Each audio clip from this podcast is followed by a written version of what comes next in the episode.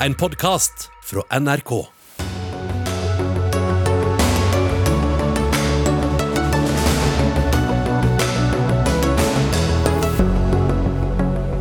Skoterror igjen rammer Norge, vil trolig høyreekstreme stå bak, skriver PST i ny rapport. Brutalt budskap ti år etter 22.07, sier Arbeiderpartiet. AUF og Arbeiderpartiet har utnytta 22.07 politisk. Det påstår pårørende, som mener at oppgjøret nå ikke passer seg. Islendinger har begynt å jobbe mindre, og det bør vi også gjøre, mener Rødt-politiker. Han får svar fra tidligere Frp-er, som mener han tar helt feil, både om Island og om hva Norge trenger. Og eh, den nye logoen til Helse Norge vekker reaksjoner. Du må gjerne laste ned og prøve å lese sjøl. Helnoserygge. Ja, velkommen til Dagsnytt 18 denne onsdag kvelden 21. juli. Mitt navn er Lilla Sølhusvik. Og vi skal begynne med et veldig seriøst tema. Terrorhandlinger blir hylla og oppmuntra. Viljen til vold øker, og med drøy humor radikaliseres høyreekstreme på nett. Det kommer fram i en ny rapport om høyreekstremisme som PST publiserte i dag. Og Siv Sørensen, du er strategisk analytiker i PST.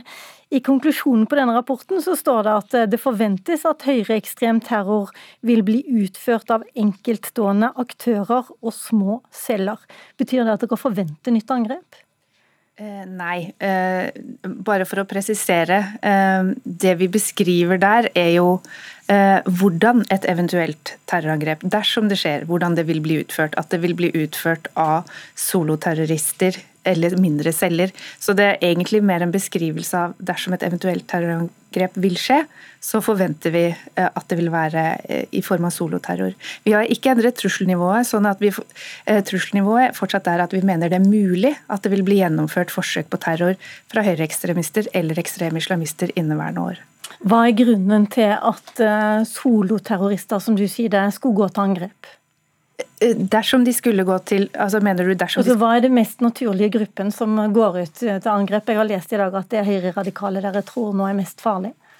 Vi, vi, snakker om høyreekstremister. Altså, når vi snakker om soloterror, så snakker vi da uh, innenfor det høyreekstreme spekteret, så mener vi de som er villige til å bruke vold. Uh, høyreradikale uh, støtter jo ikke bruken av vold. Så Det vi legger vekt på, er jo de som er ekstreme, og som ønsker å bruke vold for å oppnå en politisk endring. Og dersom noen skulle ønske å bruke terror, så mener vi da at det mest sannsynlig er enkeltstående aktører, eh, ofte i randsonen av mer ekstreme grupper. Så bra du fikk rydde opp i det forskjellen på radikale og ekstremister her. Men vi trodde jo at eh, de høyreekstreme miljøene Vi fikk også høre det, at de høyreekstreme miljøene ble Altså at de kollapsa etter drapet på Benjamin Hermansen i 2001. Hva, hva har skjedd siden? De høyreekstreme har flytta seg over på nett. Eh, veldig mye av det vi ser nå, og det vi er bekymra for, er radikalisering over digitale plattformer, og spesielt i de digitale subkulturene som forherliger akselerasjonismen, altså som ønsker å fremtvinge en samfunnskollaps gjennom bruk av terrorhandlinger. Akselerasjonismen, mm. forklar det. Det er rett og slett eh, det vi kaller en høyreekstrem doktrine Eh, som eh, primært har kommet fra de høyreekstreme miljøene i USA, og fra grupper som, som Atomwaffen Division og nedlagte The Base, men som også har fått gjennomslag i, i Vesten generelt. Og det betyr på en måte at man, man ønsker å endre samfunnet politisk gjennom å fremtvinge en samfunnskollaps ved bruk av terrorhandlinger for å kunne endre det eksisterende styresettet. Hvem er fienden for disse menneskene? Det er både styresmaktene, men det er jo da eh, Du kan si de ytre fiendene er da jøder, muslimer og ikke-vestlige innvandrere. Og så har du de indre fiendene, som de mener har tilrettelagt for at muslimer og ikke-vestlige og jøder har fått på en måte innpass. Og det vil da være eh, eh, venstresida i, i, politikken, eller styres, altså den styrende regjeringen, medier, og f.eks. da Eh, homofile og skeive, altså folk som er minoriteter. da. Hvordan foregår radikaliseringen? Eh, vi leser i dag på, på, i rapporten bl.a. at det skjer ved hjelp av humor. På hvilken måte? Ja, fordi radikalisering i dag er en gradvis prosess. Hvor man eh, over tid eh, i stadig større grad velger å støtte bruken av vold for å oppnå politisk endring. Og Det som skiller høyreekstremismen i dag fra hvordan det var før, det er jo at symbolbruken nå er mye mer fordekt og annerledes. Der vi tidligere det var lettere for oss å identifisere noen som høyreekstrem gjennom f.eks. hvordan de kledde seg og hvilke symboler de bar, så er det nå eh, på, på, nett mye mer vanskelig å identifisere f.eks. gjennom symbolbruk, fordi det er ofte veldig internt og det er ofte fordekt i humor, i hvert fall på de åpne plattformene. Så man må på en måte kjenne igjen symbolene og forstå hva, hva de betyr for subkulturen subkulturen selv, for å forstå uh, hvorfor dette er høyreekstremt. Men også de færreste er jo inne på disse nettsidene. Hva, uh, hva skal man se etter uh, ellers, hvis man er mor eller far eller søster og bror? Da må man jo se etter en form for holdningsendring, f.eks. At, at vedkommende kommuniserer en stadig F.eks. kommuniserer at man mener det pågår en eksistensiell trussel mot hvite i Vesten, eller at man støtter bruken av vold for å oppnå politisk endring, eller at man dehumaniserer de som er i fiendebildet. At man f.eks. tilkjennegir at man ikke ønsker at, at folk med en annen bakgrunn enn en etnisk hvit skal få lov å leve i Vesten. Men da lurer jeg jo på, det er ett spørsmål vi alle lurer på. Nå er det ti år siden 22. juli i 2011 og 77 mennesker ble drept i terrorangrep. Står dere bedre stilt til å hindre det i dag? Det er jo fryktelig vanskelig å si. Jeg håper i alle fall at vi kan si at vi har bedre kunnskap i dag om hvordan radikalisering foregår, og hvordan soloterrorister altså Hva slags sårbarhetsfaktorer de har, og hvilke varseltegn vi kan se etter. Og jeg håper vi er blitt bedre på å kommunisere det ut til publikum. Her sitter to politikere i studio, her kan du komme med en ønskeliste. Hva trenger du deg av verktøy? Um, trenger ja, tre, Vi trenger eh, legale hjemler som holder tritt med den teknologiske utviklingen. Hva betyr det? At, at vi må ha mandat til å kunne uh, være i, altså holde tritt med teknologien i form av hvor ekstra... Du trenger å overvåke bedre nettet? Uten å være for spesifikk, så tenker jeg at eh, det er klart at eh, vi skulle gjerne sett at vi hadde anledning til å f.eks. lagre informasjon uh, i, i, i, noen grad bedre. Men det er samtidig litt vanskelig for meg som analytiker å, å på en måte si basert på mine behov, da. Ok, Det er lettere for deg som politiker, Hadia Tajik, stortingsrepresentant og nestleder i Arbeiderpartiet.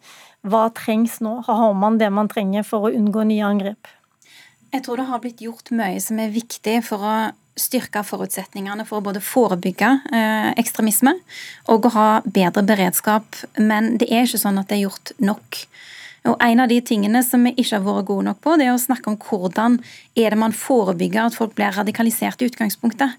Eh, I denne rapporten som PST har kommet ut med i dag, så skriver de jo bl.a. om de aktørene som styrer mot samfunnskollaps. Eh, men de skriver òg om de aktørene som altså vil drive med metapolitikk som strategi. Og det metapolitikk handler om, det er de som ønsker å påvirke befolkningen kulturelt og intellektuelt, eh, med det formålet om å skape oppslutning i befolkningen om at man skal være mot et mangfoldig, mangfoldig samfunn. Så med andre ord, og eh, Politiets sikkerhetstjeneste påpeker at det er en sammenheng mellom ordene som kommer først, og handlingene som kan komme etterpå. Eh, og at det finnes aktører som opererer innenfor demokratiet for å undergrave demokratiet. De bruker demokratiske virkemidler, og de er kanskje de aller, aller vanskeligste å hanskes med.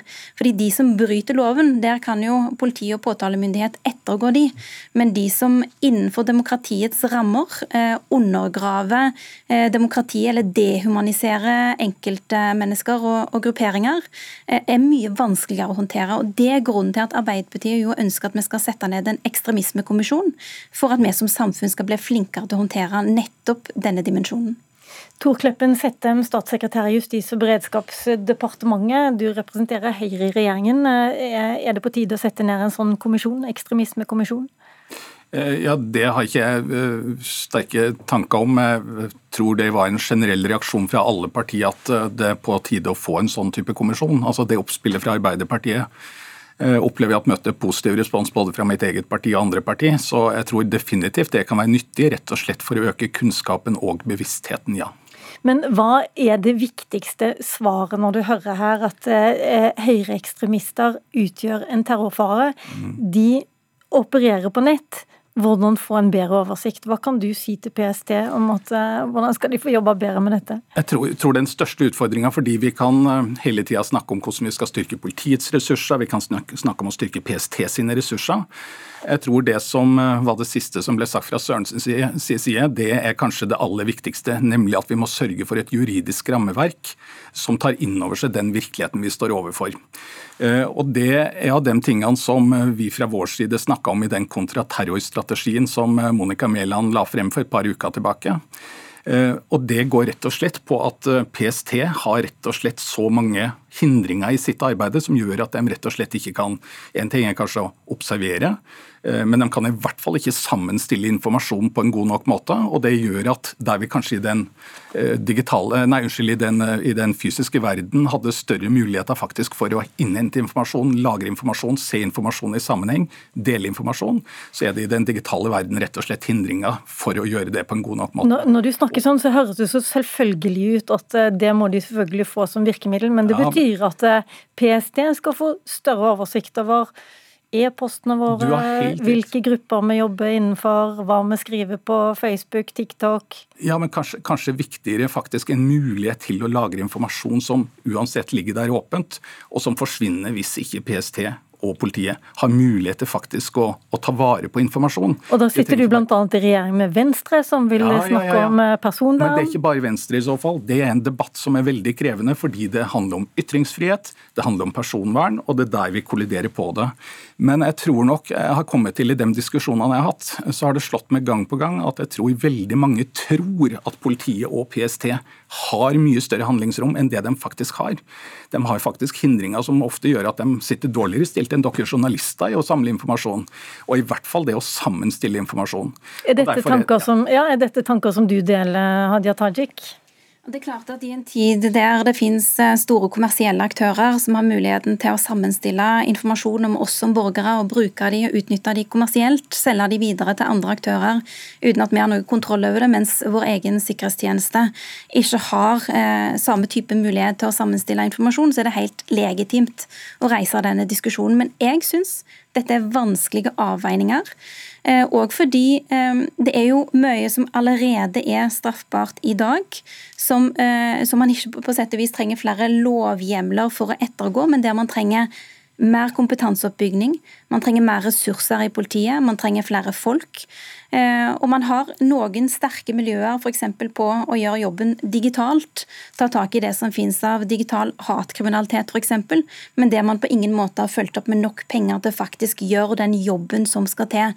Men altså, en ting, jeg tenkte bare, en ting som du sa litt tidligere, det var det der med å stoppe det, de som egentlig ønsker å De som er ute på nett og som bruker demokratiske virkemidler til å, øh, til å rive ned demokratiet. Dette var jo noe man snakka om etter 22.07. for ti år siden. Og nå skulle man ut og ta og svare alle trollene. Eh, og man skulle, man skulle, ikke la alle disse her hatteoriene få lov til å, å leve.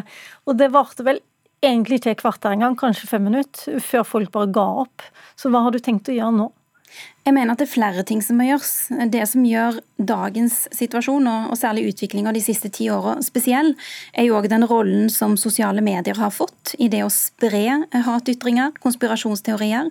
Det er en heil, eh, altså det hele det kommersielle grunnlaget for mange av de sosiale mediene vi har å bruke, handler jo om å bruke altså folks raseri og engasjement til å, til å, dele det som da kan være hatytringer og konspirasjonsteorier. Det gjør ting ekstra vanskelig, men det det betyr er at vi som er politikere nasjonalt og internasjonalt, jo må bidra til at de teknologiske gigantene ikke kan fortsette på denne måten. Og hvordan gjør dere det? For noen få uker siden så hadde jeg møte med andre progressive politikere i europeiske land og, og fra USA, der vi delte erfaringer knytta til akkurat dette. I Frankrike har man f.eks. Eh, nylig tatt et eh, initiativ overfor de teknologiske gigantene om hvordan man kan bryte de eh, altså algoritmene som driver en del mennesker stadig lengre inn. Altså algoritmeboblene som driver en del mennesker stadig lengre inn i konspirasjonsteorier, siden du hele tiden da risikerer å få informasjon som bekrefter informasjon du allerede har fått, og som gjør at du aldri kommer deg ut og blir eksponert for eh, andre kritiske eh, og mer faktabasert informasjon knytta til det. Siv Sørensen, er dette noe du kjenner igjen fra PSTs side? Ja, det er jo akkurat det Hadia Tajik beskriver her, den eh, kaninhulleffekten. At eh, algoritmene på nett eh, er egnet til å bare føre deg dypere inn i et radikaliseringsløp. Du får inn i det vi kan kalle ekkokammeret, hvor man bare bekrefter den, de konspirasjonsteoriene man allerede har snust på. Og Vår bekymring er jo at det kanskje starter med noen konspirasjonsteorier, men så at man da ledes dypere inn mot mer ekstremt tankegods, og at man etter hvert også da eventuelt er villig til å bruke vold for å, for å skape en samfunnsendring. Hvor mye betyr det at, eh, at, det er et miljø i Norge, i forhold til at det er et miljø i Sverige eller i Tyskland eller i Belgia eller hvor som helst i resten av verden? Ja, det som er det store skiftet, er jo, eller et, et, en større endring eh, etter 22. juli er jo det transnasjonale fokuset. At nå trenger man altså du, du, trenger bare en PC for å kommunisere med likesinnede over nett. Eh, og Det gjør jo at, at eh, høyreekstremismen henter inspirasjon på tvers av Vesten. Uh, og det er langt flere aktører som har mulighet til å påvirke uh, folks tankegods. Um, og Det gjør det også mer krevende å avdekke hvor inspirasjonen kommer fra. Så det betyr egentlig at hvis vi har en Anders Behring Breivik som er helt alene, eller en Philip Manshaug som også var helt alene, så trenger de egentlig ikke å ha så mange venner eller medsammensvorne i, eh, i Norge for å gjøre stor skade. Nei, men samtidig så er det også en overlapp mellom fysiske og digitale miljøer. Bak enhver eh, digital profil så befinner det seg et menneske. Men ja, vår bekymring er konkret knytta til de enkeltstående aktørene som du her nevner, som eh, gjerne er i periferien og gjerne kanskje skulle vært del av en organisasjon, eller skulle ønske at de var det, men som primært radikaliseres på nett, og som finner likesinnede på nett. Og Filter Nyheter skriver eh, i dag om at det er gjort en del arrestasjoner over hele landet egentlig, der eh, også folk som er bevæpna er arrestert nå, fra høyreekstreme, radikale miljøer. Jeg spør. Ja, I forhold til etterforskningene så langt, nå ligger jo de hos politidistriktene, for dette er våpenbeslag det er snakk om. Og Det nevnes også at eh, man har eh, funnet da, kontakter mellom høyreradikale personer. Eh, og Per nå så følger jo PST med på saken. Det er absolutt av interesse for oss hvordan den utvikler seg videre. Men utover det så kan jeg ikke eh, kommentere konkret på selve saken. Ok, Vi får følge med videre. Så langt, tusen takk til deg eh, fra PST, Siv Sørensen. Takk til Tor Kleppen Settem fra Justisdepartementet og Hadia Tajik fra Arbeiderpartiet.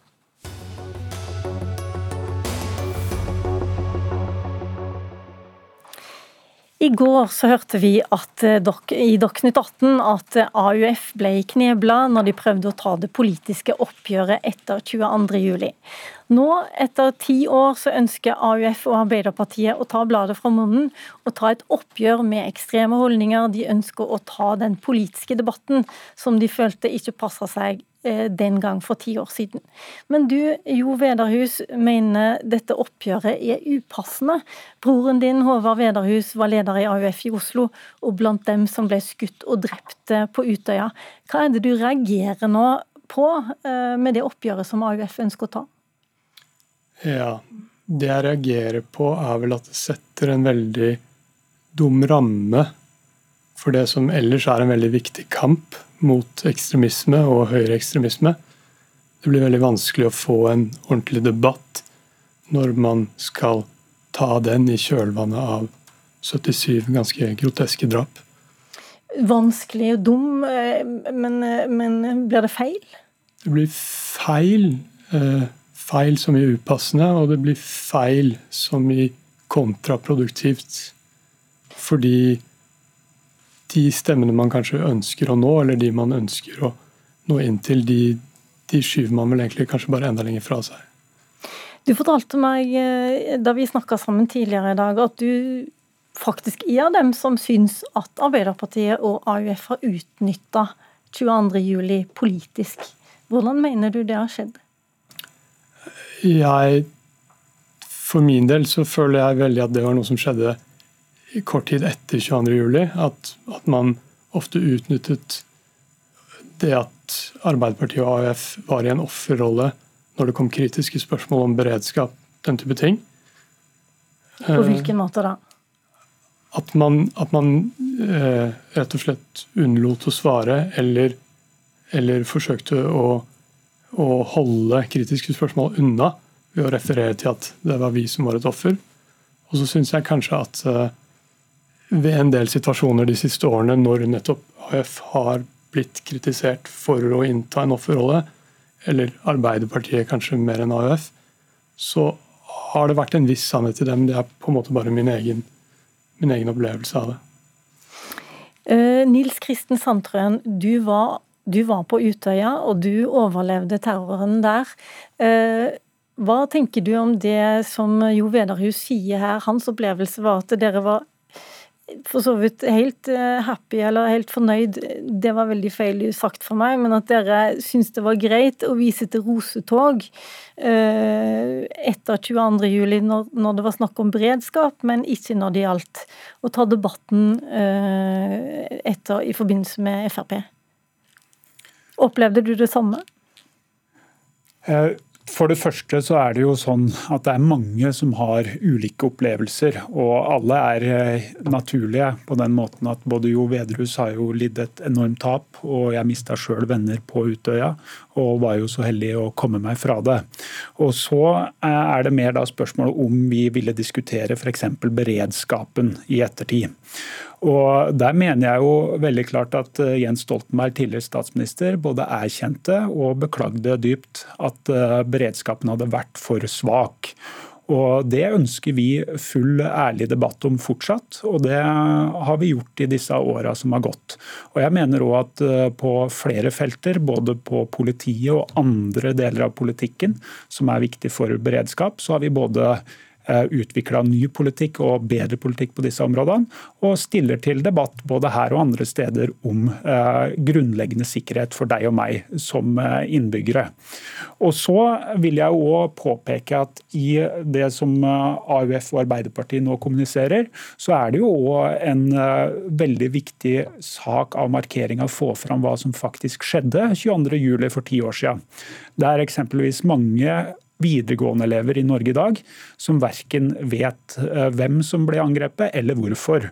Og Det å på en måte få fram de historiske fakta, det er en viktig del av minnesmarkeringa nå ti år etterpå, sånn som vi ser det. Er ikke du også enig om dette, Vedarhus? Det er enig. Jeg tenker det er veldig viktig å fortelle den historien. Mm. Og også fortelle hva slags person som utførte de handlingene. Mm. Men det betyr ikke at man ikke fortsatt må være veldig var må ha et klart skille mellom ord og handlinger når man skal ta oppgjør med f.eks. ekstremisme. Ja, hva, hva, tenker du da? Har de fokusert for mye på, på, ord i forhold til handlinger, er det det du sier? Jeg tror det. Jeg tror at du kan ikke gå i rette med folk som har ulike meninger enn deg selv, fordi 77 mennesker har blitt drept. Du kan gjøre det fordi du er uenig i at samfunnet skal være sånn. Og det er større forskjell på ord og vold enn det er på ord og ord. Ja, hva, hva tenker du på da? At man at mye av, det, mye av det politiske oppgjøret som man nå legger opp til, er veldig diffust. Det er veldig uklart hvem det er man ønsker å gå i rette med. Det varierer nærmest fra dag til dag, fra utspill til utspill. Og jeg tenker at det er ikke nødvendigvis riktig vei å gå i det hele tatt. Kan du oppklare litt mer, eh, Sandtrøen? Eh, hvem er det egentlig dere skal ta oppgjøret med? Det eksempelet som jeg var inne på i stad, ved å rett og slett få fram hva er de historiske fakta, det er jo en bit av det. Eh, jeg kan ta et annet eksempel som jeg har opplevd eh, sjøl, som jeg stussa på mye i åra etter 22.07. Og det var jo spørsmålet om eh, Utøya skulle gjenreises. Skulle AUF få lov til å ta i bruk Nøya? Det var det mange meninger om. Og Dermed er det jo flere i AUF som har følt at man har stått i en veldig vanskelig rolle. Det har vært mye kritikk på om man skulle få igangsette aktiviteten igjen. Eh, så Det er nok et annet eksempel som viser at enkelte har følt at man har stått litt alene fordi det ikke har vært tilstrekkelig åpenhet om hva som skjedde og hva som var motivene bak. Eh, så Det tenker jeg er en del av den diskusjonen som nå kommer sterkere ti år etterpå. Men Jo Venerhus, da du tok kontakt med oss i Dagsnytt 18, var det fordi du følte deg alene, eller din familie følte dere alene når dere ønska å ta opp den beredskapsdebatten etter 22.07? Altså, jeg snakker nå bare for meg selv, men, men det er ingen tvil om at vi tidvis følte oss ganske alene da vi prøvde å få svar, særlig den høsten og den påfølgende våren, og at veldig mye ble dyttet frem, enten, enten som jeg sa, under et dekke av at dette, dette er ikke det vi ønsker nå, eller at dette er noe en kommisjon skal ta stilling til senere. Og faktum er jo at man hadde et beredskapsoppgjør helt uten ansvar. Det fikk ingen følge for noen. Og det i seg selv er egentlig kanskje noe av det farligste med etterspillet av 22.07. Men det var jo f.eks. en politidirektør som måtte gå. Statsministeren beklaga. Mm. Men eh, ja, jeg tenker at det kanskje var for lite, da. Hva syns du, eh, Sandtrøen? Jeg tenker at Det viktigste er hva vi faktisk konkret gjør med beredskapen. Og Der er jeg helt enig med Vedrus at det er mange ting eh, på beredskapspolitikk i Norge i dag som både kan og må bli bedre. Men én ting som er utbedra, det er jo nettopp det med helikopter. Sjøl satt jeg på Utøya, hørte skudda kom nærmere, og det var ingenting som eh, ville vært bedre enn om det hadde kommet helikopter tidligere. Eh, det er jo én bit som er bedra. Men så har vi sett at andre deler av sikkerhetspolitikken, hva gjelder Heimevernets mulighet til å sikre viktig bygg og infrastruktur, den har f.eks. vært for svak. Og vi har jo nå gjennomgått en annen type samfunnskrise som viser at det åpenbart er eh, rom for forbedringer av beredskap i Norge. Så det skal vi være fullstendig ærlige på, og vi skal gjøre vårt ypperste, det lover jeg, som folkevalgte for å forbedre både politiets mulighet til å være til stede der folk bor, HVs eh, eh, mulighet til å ta vare på infrastruktur, og noe så grunnleggende som at vi har tilgang til mat i krisetider. Så, jo, bare lyst til å spørre deg til slutt, Jo Vederhus. Eh, nå har vi hørt gjennom mange utspill fra AUF at de ønsker å bruke tiårsmarkeringen 22.07 til å ta debatten, at endelig må man ta det politiske oppgjøret. Hvordan mener du 22.07 bør markeres? Altså Først og fremst så tenker jeg jo at 22.07 eh, bør markeres ved å minnes de som døde den dagen, og det er jeg sikker på at AUF og Arbeiderpartiet også kommer til å gjøre. Og den politiske debatten? Den politiske debatten tenker jeg at kanskje er litt feilslått, rett og slett. Feilslått, eller skal den tas på et annet tidspunkt? Jeg tror den, det er noe som må tas hele tiden. Det er, som, det er en viktig debatt som må tas hele tiden, men jeg tror ikke man skal gjøre det med 22.07 som ramme. Ok, Du fikk siste ord der. Eh, takk for at du kom, Jo Vederhus, eh, som altså mista broren din Håvard på Utøya for ti år siden. Takk også til Nils Kristen Sandtrøen, som overlevde Utøya for uh, ti år siden. Og Jeg vender meg til deg, da, Anders Djupskås. Du er nestleder ved Senter for ekstremismeforskning. Det er en firedel eh, her i landet som mener at Arbeiderpartiet har slått politisk mynt på 22.07. Det viser en undersøkelse som dere har gjennomført. Hva vet du eh, om hvem dette er som mener det? Som eh, av den voksne befolkningen som mener at Arbeiderpartiet har slått politisk mynt på 22.07. Og det vi vet er at Dette er en veldig sentral del av eh, ytre, det vi kaller for ytre høyre-fortellingen om 22.07. Altså at eh, angrepet ikke hadde noe særlig med politikk å gjøre, men er blitt utnyttet av Arbeiderpartiet i etterkant for å strupe innvandringskritiske stemmer i samfunnet. Dette er altså en oppfatning blant det som kanskje er omkring 8% av befolkningen som vi sier tilhører den ytre høyre-narrativen. Men tallet er jo bredere, det er mye bredere nedslagsfelt enn det, altså som 29 og det vi ser er at det er særlig sterkt blant Fremskrittspartiets velgere, 80% der. Men også ganske langt inn i Høyre, og nesten halvparten av Høyres velgere, og en god del i Senterpartiet. Og Så finnes det da folk også på venstresiden som mener at Arbeiderpartiet har utnyttet hendelsen. og det eh, det, det, argumentet som Vedrus legger frem, og selvfølgelig veldig forståelig at han ønsket å få svar på umiddelbart hvorfor broren hans ikke ble reddet, det, det kan jo være en av grunnene til at også folk følte den gangen at de ikke fikk de svarene som de ønsket umiddelbart etter terrorangrepet. Men er det ikke naturlig at et politisk parti som er ramma på den måten som Arbeiderpartiet og AUF ble ramma, faktisk eh, gjør politikk av en så viktig sak som å stoppe ekstremisme? Det ville ikke vært noe unaturlig om de gjorde det. og det, det Når jeg snakker med mye utenlandske journalister, så er det jo mange som spør om hvorfor har det vært så underkommunisert at det var Arbeiderpartiet AUF og venstresiden mer generelt som ble rammet. Terroristene hadde jo en lang liste med mulige mål, og det var mange andre aktører på venstresiden som også var en del av den listen. altså Det som tidligere i sendingen ble snakket om den indre fiende, som PST snakket om. De som da stå, så, står i ledetog da, med, med de ytre fiendene, i dette tilfellet muslimer. Eh, så eh, det som er tilfellet er jo at Arbeiderpartiet med Jens Stoltenberg i spissen på mange måter valgte en helt annen tilnærming den gangen, og snakket mindre om det partipolitiske og mer om det politiske mer generelt. altså Dette var et angrep på demokratiet, og at vi skulle svare med veldig generelle tverrpolitiske verdier som de fleste i Norge kan eh, stille seg bak, nemlig ytringsfrihet, åpenhet, toleranse, den type verdier, eh, og aldri naivitet. Men i veldig liten grad gjorde det til et partipolitisk eh, spørsmål. Det kom jo senere, men i den grad det kom fra bl.a. Raymond Johansen, så ble det i liten grad plukket opp og gjort til en debatt i det norske samfunnet. Det er først det siste halve året at man har sett at det har blitt en ordentlig diskusjon om det ideologiske aspektet ved angrepet, eller kanskje først og fremst at AUF og Arbeiderpartiet ble rammet for de verdiene de står for.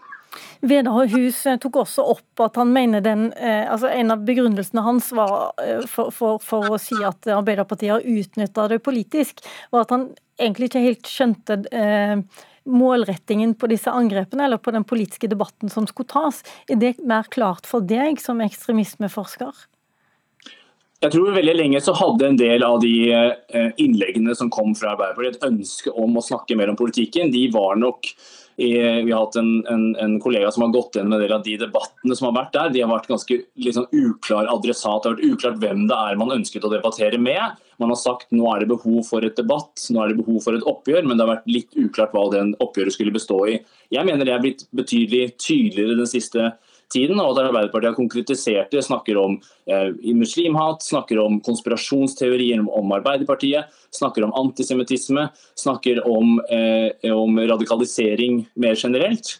Eh, selv om det fortsatt på en måte er eh, klart, det er, det, er, det er, en krevende debatt, slik som Vedrus også påpeker, at når rammen er at et så brutalt massedrap som 22.07, så er det veldig krevende å være konkret i en sånn debatt. og at Du ser også på reaksjonene fra de som føler at de blir implisert når, når disse utspillene kommer, at motreaksjonene er veldig kraftige. Så det, det, kan hende at det er et poeng at det er krevende å diskutere dette her, og at uh, i, i, relasjon til 22.07, og at det er en debatt som vi må ha hele tiden. Um, men selvfølgelig det er veldig også forståelig at AUF ønsker at den debatten skal komme opp og, og, at det skal være en del av samfunnsdebatten. Og at man ønsker at andre politiske aktører skal være med og diskutere hvor grensene skal gå i et demokratisk samfunn for hva man skal si til hverandre.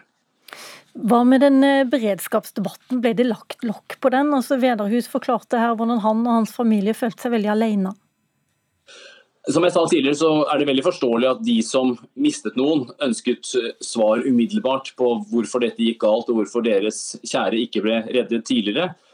Eh, når det er sagt, så tenker jeg at, eh, at beredskap var jo noe av det første som nettopp ble diskutert på samfunnsnivå, og at Gjørv-kommisjonen er et veldig klart uttrykk for at beredskapen ble satt på dagsorden umiddelbart. og eh, Ganske mange tiltak ble jo iverksatt rimelig raskt. og nå Etter ti år så har altså regjeringen gått ut og sagt at nå mener de at de fleste av tiltakene, eller alle tiltakene er mer eller mindre eh, gjennomført. og Så gjenstår det kanskje å kikke nærmere på det fra en forskningsmessig vinkel og se på det er klart det er alltid mye diskusjon og tolkning hvordan man har gjennomført de tiltakene. og Det finnes også forskere som er kritiske til noen av Gjørv-kommisjonens konklusjoner, og at det kanskje er behov for enda mer satsing på spesifikke beredskapstiltak enn det som er gjort til nå. Da sier jeg tusen takk for at du var med oss, Anders Djupskås, nestleder ved Senter for ekstremismeforskning.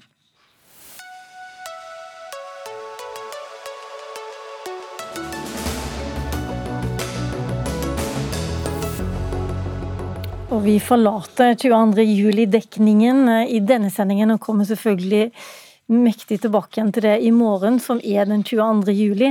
Men eh, senere i denne sendingen skal vi diskutere om vi blir mer eller mindre effektive av å ha kortere arbeidsdager. Og vi skal snakke med Human-Etisk Forbund, som er bekymra for sikkerheten til norske prester. Men nå siden pandemien traff landet, så har vi alle blitt godt kjent med Helse Norge for å sjekke hvilke regler som gjelder, hva er statusen på koronasertifikatet og hva var svaret på koronatesten. Dette er en av de viktigste offentlige tjenestene for folk flest, og nå kan du laste ned en app som gir enda raskere tilgang til den informasjonen. Men den logoen som viser at her skal du inn på Helse Norge, den er det mange som ikke skjønner noen ting av. Og dere har bl.a. fått sterke reaksjoner. Åsne Midtbø Aas, pedagog i Dysleksi Norge. Hvorfor det? Nei, vi syns kanskje at denne her virka veldig forvirrende. Eh, en kan jo si at eh, enten så er det en liten genistrekk at en lager en app som er så forvirrende at alle diskuterer den. Det er jo interessant, på, særlig på sosiale medier.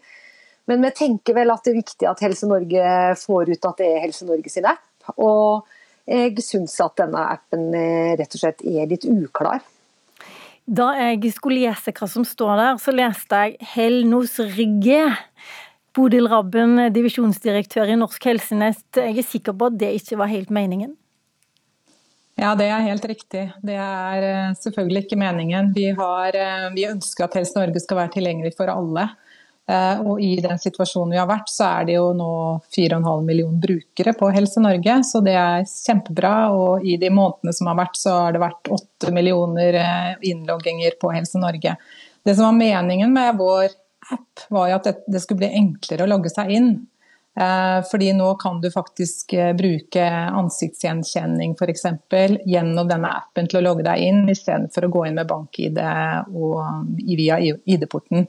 Så Det som vi absolutt har ønsket, er at dette skal bli enklere. Så vi er jo veldig glad for tilbakemeldinger eh, fra Dysleksiforbundet, og vil jo selvfølgelig ta kontakt med de. Og vi vil jo på en måte erfare som, eh, hvorfor dette er vanskelig, og hvordan vi eventuelt kan gjøre noe med det Men eh, nå, nå ble jo jeg nysgjerrig på hvor mye penger dere har brukt på å utvikle denne appen?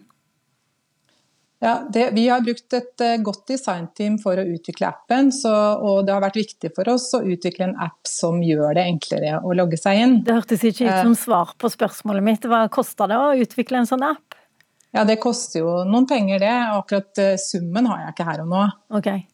Så vi skal jo få til en app som fungerer for alle. Sånn, fordi det er utrolig mye enklere å gå inn via den appen på Helse Norge. Og Helse Norge har jo veldig mange tjenester Eh, for alle innbyggerne i Norge som er viktige. Eh, Åsne Midtbø Aas eh, i Dysleksi Norge. Jeg lasta ned den appen, og jeg må bare si at den er jo omtrent like gjenkjennelig som veldig mange apper som, som er der, som det egentlig ikke er så enkelt å skjønne hva er for noe før du går inn på den. Nei, det er sant det. Og jeg tenker at det, det, En logo er jo et bilde, men samtidig så er det jo, som er jo eh, blir sagt her, så er det et ekstra ansvar når en jobber i det offentlige i forhold til dette med universelt utforming. Og det tror jeg Helse Norge har tenkt på mye på sidene sine. Det er veldig eh, gode, mange gode ting inne på appen og på sidene, men selve eh, bildet av appen syns jeg er unødvendig forvirrende. Eh, og det er så enkle ting at eh, du, du forteller til meg hvordan du leste.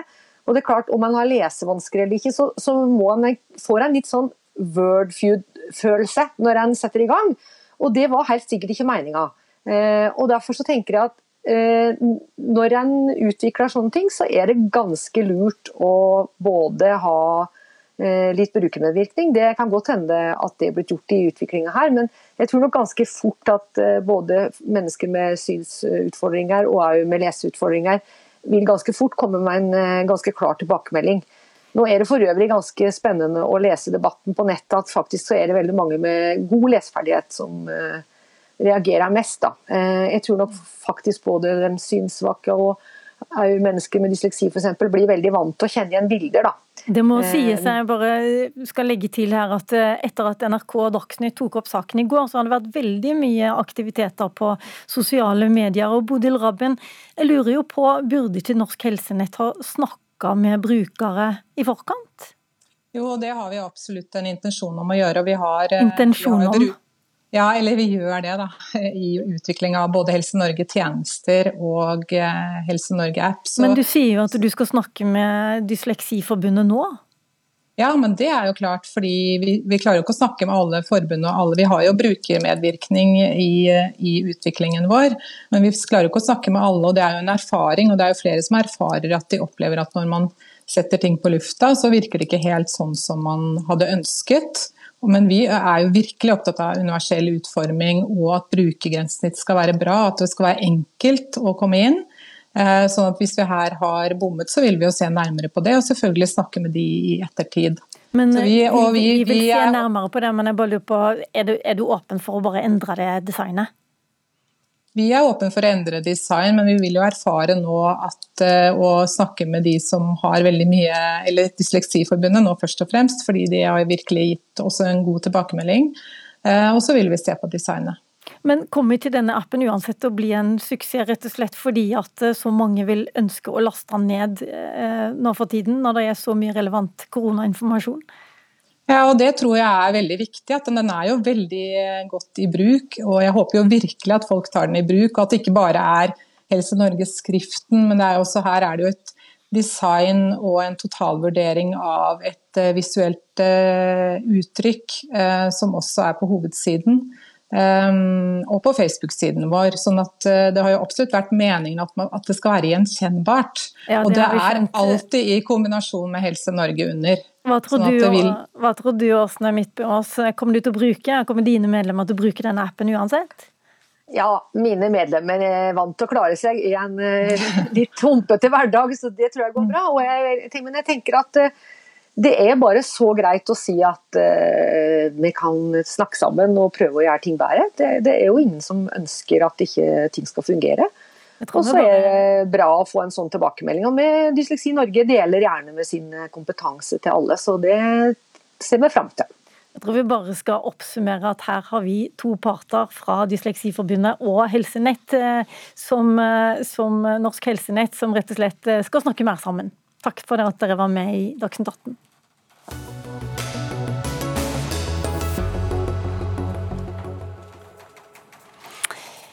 Dersom en av dine kjære skulle gå bort, kan du enten få besøk av en prest eller politi som framfører dødsbudskapet. Human-Etisk Forbund mener prester skal få slippe å utføre denne type oppgaver, fordi det er egentlig en politioppgave, og særlig er dere bekymra nå, hører jeg, fordi prestene mangler sikkerhetsopplæring. Lars Petter Helgestad, politisk og internasjonal sjef i Human-Etisk Forbund. Hvorfor denne voldsomme omsorgen for prestene? Er ikke det i så fall noen andre som bør være mer bekymra for det? Nei, så lenge det er prestene som har denne oppgaven, så er det et viktig poeng at de har riktig opplæring for å håndtere det de møter. Altså Det å gå med dødsbudskap i dag, det er noe helt annet enn på 70- og 80-tallet. Det er mye større usikkerhet i forhold til hva slags situasjon den som går med dødsbudskapet møter, eh, også i forhold til sikkerhet. Og Vi er i et mye mer mangfoldig samfunn enn vi var tidligere da denne ordningen ble etablert. Så Jeg er ikke i tvil om at prestene gjør så godt de kan. Men når regjeringen som KrF har støttet, og nå sitter i, har eh, skilt stat og kirke, så er det også på tide å skille prest og politi. Kan du fortelle oss litt, hva, hva er vanligst eh, når eh, noen dør? Er det at politiet kommer, eller at en prest kommer? Ved eh, brå dødsfall, gjerne ulykker eller i drapstilfeller, så er det rutinen at, press, eh, unnskyld, at politiet kontakter eh, Den norske kirke, som har en beredskapsordning, og som da sender den presten som har vakt i det aktuelle området, til den adressen hvor etterlatte eller pårørende er. Selv om den avdøde er eh, enten medlem i Human-Etisk Forbund eller eh, Ja, for det vet verken politiet eller prestene noe om. Hvem eh, avdøde eller de etterlatte er medlem av noe tros- eller livssynssamfunn, eller ikke er det i det hele tatt, som også veldig veldig mange i Norge er. En av fem. Men jeg må jo spørre da, hvor vanlig er det egentlig at man blir trua når man kommer med et sånt budskap? Nei, det har ikke jeg god oversikt over. Men det skjer, og man vet aldri på hvilken adresse eller til hvilket tidspunkt det skjer. Så alle som har denne type oppdrag, må ha den sikkerhetsopplæringen. Ingelin Noresjø, du er statssekretær i Samferdselsdepartementet og representerer Kristelig Folkeparti i regjeringen. To av tre prester som går med dødsbudskap, har altså ikke fått sikkerhetsopplæring. er det naivt å legge risikoen og dette ansvaret på dem? Det er ganske alvorlig at ikke alle prestene har fått denne sikkerhetsopplæringa, men eh, vi har fått forsikringer om at kirkedirektøren eh, vil besørge at eh, prestene skal få denne opplæringa. Det som er veldig viktig i dette, det er jo at mennesker som får et tragisk dødsbudskap og får denne beskjeden levert på døra, det er mennesker i dyp sorg og krise. Og da er de nødt til å møte personer som har erfaring med sorg, som har erfaring med sjelesorging. og og eh, har kompetanse på dette. Så, og det har prestene. Prestene finnes i hele Norge. Hver eh, kommune har eh, ei kirke. og Det betyr at denne kompetansen er veldig nær og den er tilgjengelig. Og Det er politiet som har valgt å bruke kirka fordi de har denne kompetansen, og det er en ordning som fungerer godt. Eh, og Det som Human-Etisk Forbund her ikke sier, men som, som, de nok også ønsker, det er jo at denne ordninga skal avvikles. og det gjennom at man ville skille mellom politi og kirke. Og KrF mener at det er absolutt ikke nødvendig. Denne kompetansen finnes der ute ute. Den finnes hos prestene, som har lang erfaring med å møte mennesker i djup sorg og krise. Ja, det, det, bør de få fortsette med. Et, et poeng om gangen. Det er vel helt riktig her at Human-Etisk Forbund egentlig vil ha vekk hele ordningen. Ja, ja det stemmer. Ja. Uh, det er jo fordi det må bli slutt på at staten organiserer uh, samfunnet ut fra en idé om at alle er kristne eller kirkemedlemmer. I dagens Norge så er under 68% av befolkningen medlem i Den norske kirke, og under 30% tror på Gud. Så, så det, som, det, det, det, kristne Norge som fantes i forrige århundre, det finnes ikke lenger. Nå må, I dette moderne samfunnet så må vi organisere oss på en annen måte. Men kan det ikke være, uansett da, om man, er, om man ikke er kristen selv, men har en annen tro. Eh, kan det ikke være trygt og godt å få det budskapet fra noen som er vant til å framføre et sånt budskap, eh, framfor politiet, som har veldig mange andre oppgaver i jobben sin? Jeg tror politiet også er gode, omsorgsfulle mennesker som med trening kan utføre denne oppgaven godt. Kanskje bør den overlates til helsepersonell, det kan man se nærmere på. Men det er feil at man sender ett eh, trossamfunn utvalgt til hvem som helst, til meg, og tar for gitt at jeg vil ha sjelesorg i den situasjonen f.eks. Tror du ikke at kristne mennesker eh, ville ha reagert hvis en imam plutselig hadde kommet på døra og framført et eh, dødsbudskap, eh, Noresjø? Ja, det viktige her er jo at det er en ordning som fungerer, og at man har kompetente medmennesker som eh, bringer et sånt budskap når man er i djup, djup krise. Men du hører vel av og til at eh, noen reagerer på at de får en prest på døra? Nei, Det jeg ikke forstår er at det skulle være problematisk å få et medmenneske som har djup eh, forståelse og kompetanse på å møte mennesker i sorg, selv om de representerer et trossamfunn.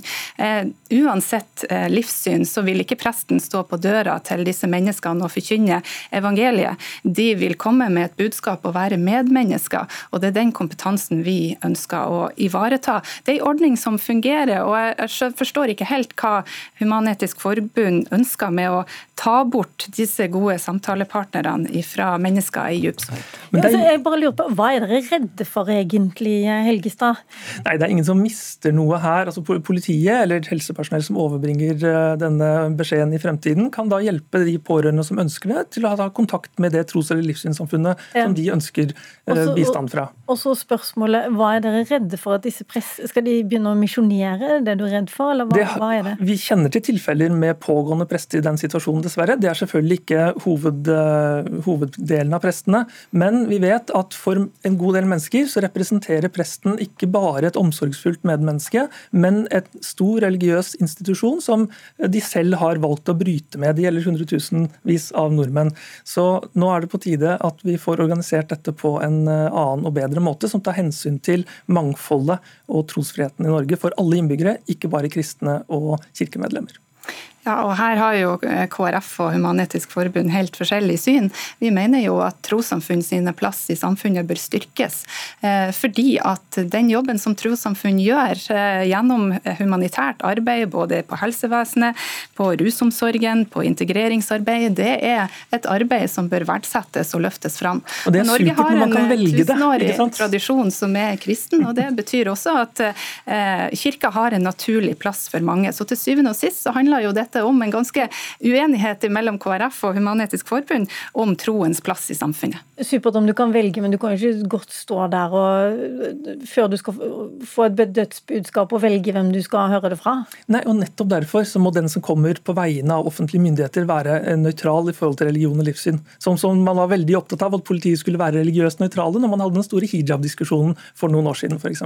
Ok, vi kommer ikke videre i den debatten nå i hvert fall. Takk Lars Petter Helgestad fra Human-Etisk Forbund, og takk også til Ingelin Noresjø, som er statssekretær i Samferdselsdepartementet.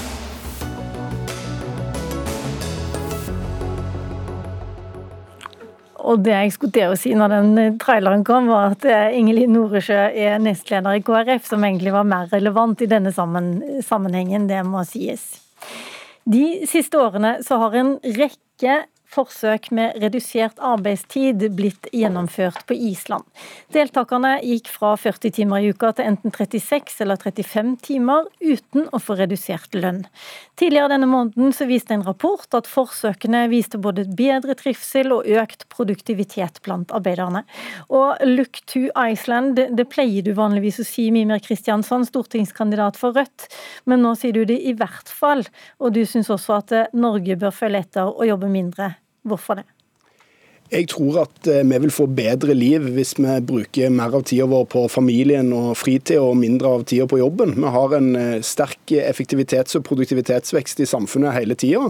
Og det å ta noe av det ut i fritid og ikke i form av økt lønn, det tror jeg vil være et gode. Så skal vi ikke overdrive det de har gjort på Island, for islendinger jobbet veldig mye i utgangspunktet. De jobber mye mer enn oss, islendinger flest. Men jeg tror jo at resultatene derfra likevel kan være en inspirasjon, fordi de viser at ved å gå ned i arbeidstid, sånn som de har gjort i store deler av offentlig sektor i Island, i forsøk, så har de ikke tapt så mye effektivitet og produktivitet. Tvert imot har de på mange virksomheter blitt mer effektive og produktive, til tross for at de har gått ned i antall timer på jobb. Og Det bør jo interessere oss her i Norge, men dessverre så har vi jo en regjering som eh, i motsetning til å gå i denne retningen snakker om at vi må jobbe enda mer i framtida.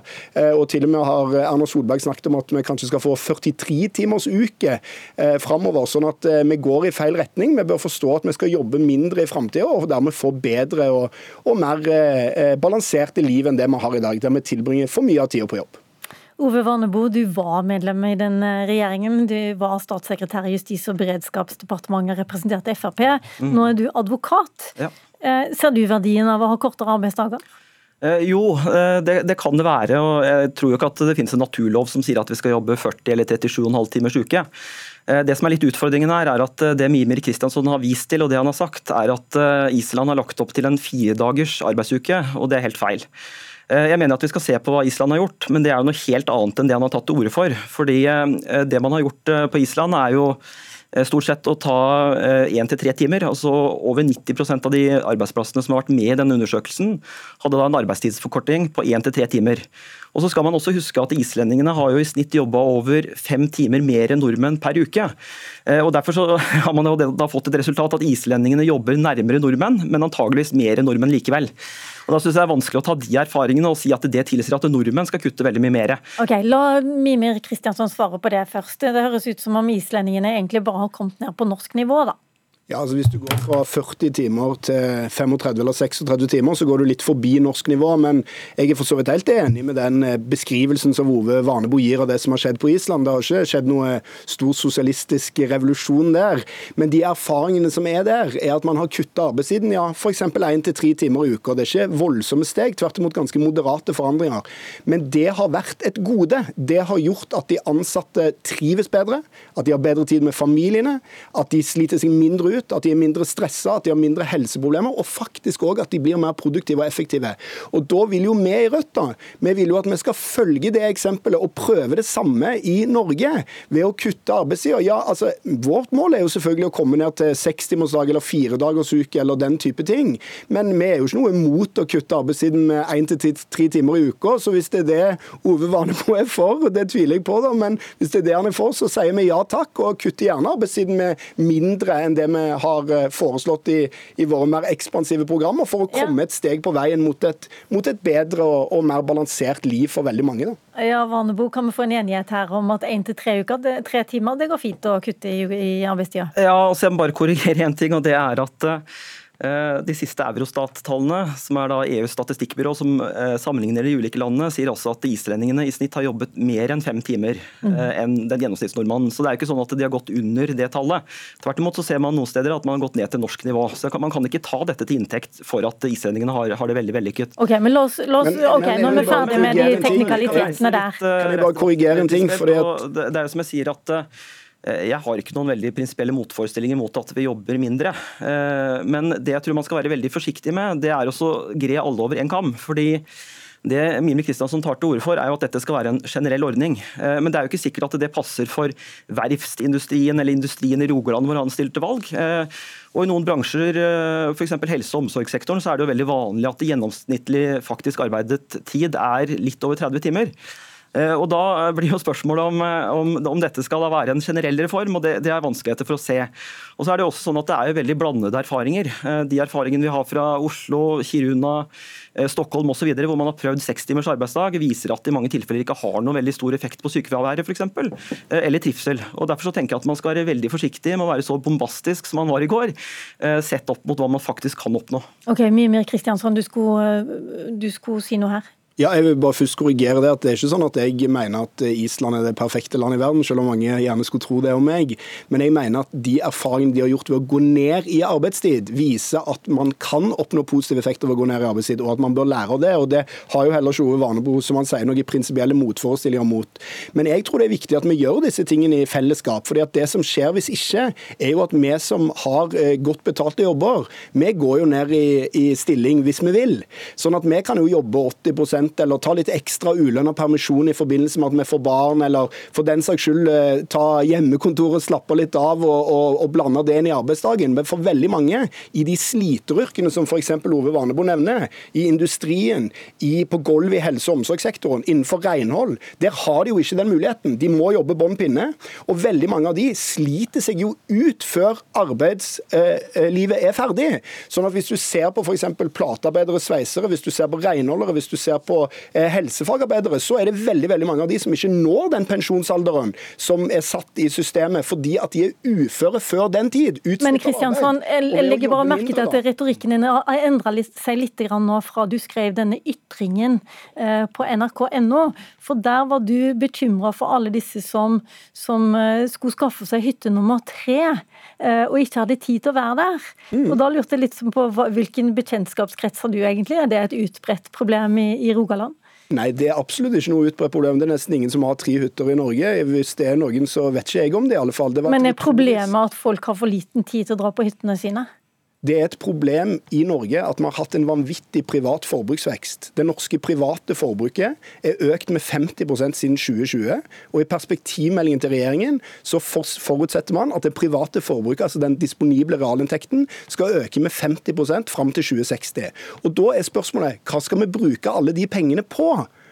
Hva skal vi bruke pengene på hvis vi har 50% mer penger mellom hendene? Er det da 50% flere turer til Syden, 50 eh, flere turer på byen, 50% større flatskjerm, 50 flere hytter? Nei, jeg tror vi må ta ut noe av produktivitetsveksten i form av mer fritid og bedre liv, og ikke bare mer penger, mer varer, eh, mer eh, kroner i lommeboka. Og Det er et poeng som også både SSB og Finansdepartementet har trukket inn i en debatt om sekstimersdag tidligere, nemlig at ja, det går an å bytte inn at man har litt mindre forbruk forbruksvekst, eh, og heller jobbe litt mindre. Mm. Ja, og Jeg er ikke prinsipielt motstander av det. og så Tvert imot så tenker jeg at dette er noe partene i arbeidslivet må diskutere. hvordan vi skal ta ut det. Men så er det jo litt med at vi, vi må også se litt uh, hvordan terrenget utvikler seg i forhold til kartet. For det er jo sånn at De siste årene så har det vært en negativ realvekst i disponibel inntekt. Uh, vi vet også at det har vært en massiv økning i offentlig forbruk, uh, også med en borgerlig regjering. Og vi vet også at politikere som Jimmy Kristiansson vil bruke enda mer midler, og vil også redusere f.eks. oljeinntektene framover ved å satse mindre der. Og det er jo klart at uh, Man kan ikke få råd til alt. Uh, og Det er derfor jeg også tenker at vi, vi må se dette i en helhet og finne ut at uh, kanskje er det andre ting som er, er, viktigere. Kanskje bør vi ta ut andre goder.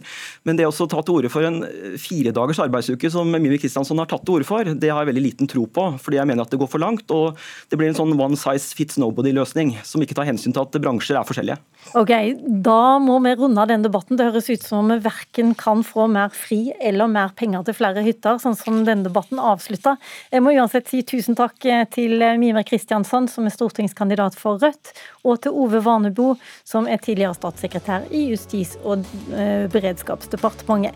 Ansvarlig for denne sendingen det var Sara Victoria Rygg, Hanne Lunås og Lilla Sølhusvik. Du har hørt en podkast fra NRK. Hør flere podkaster og din favorittkanal i appen NRK Radio.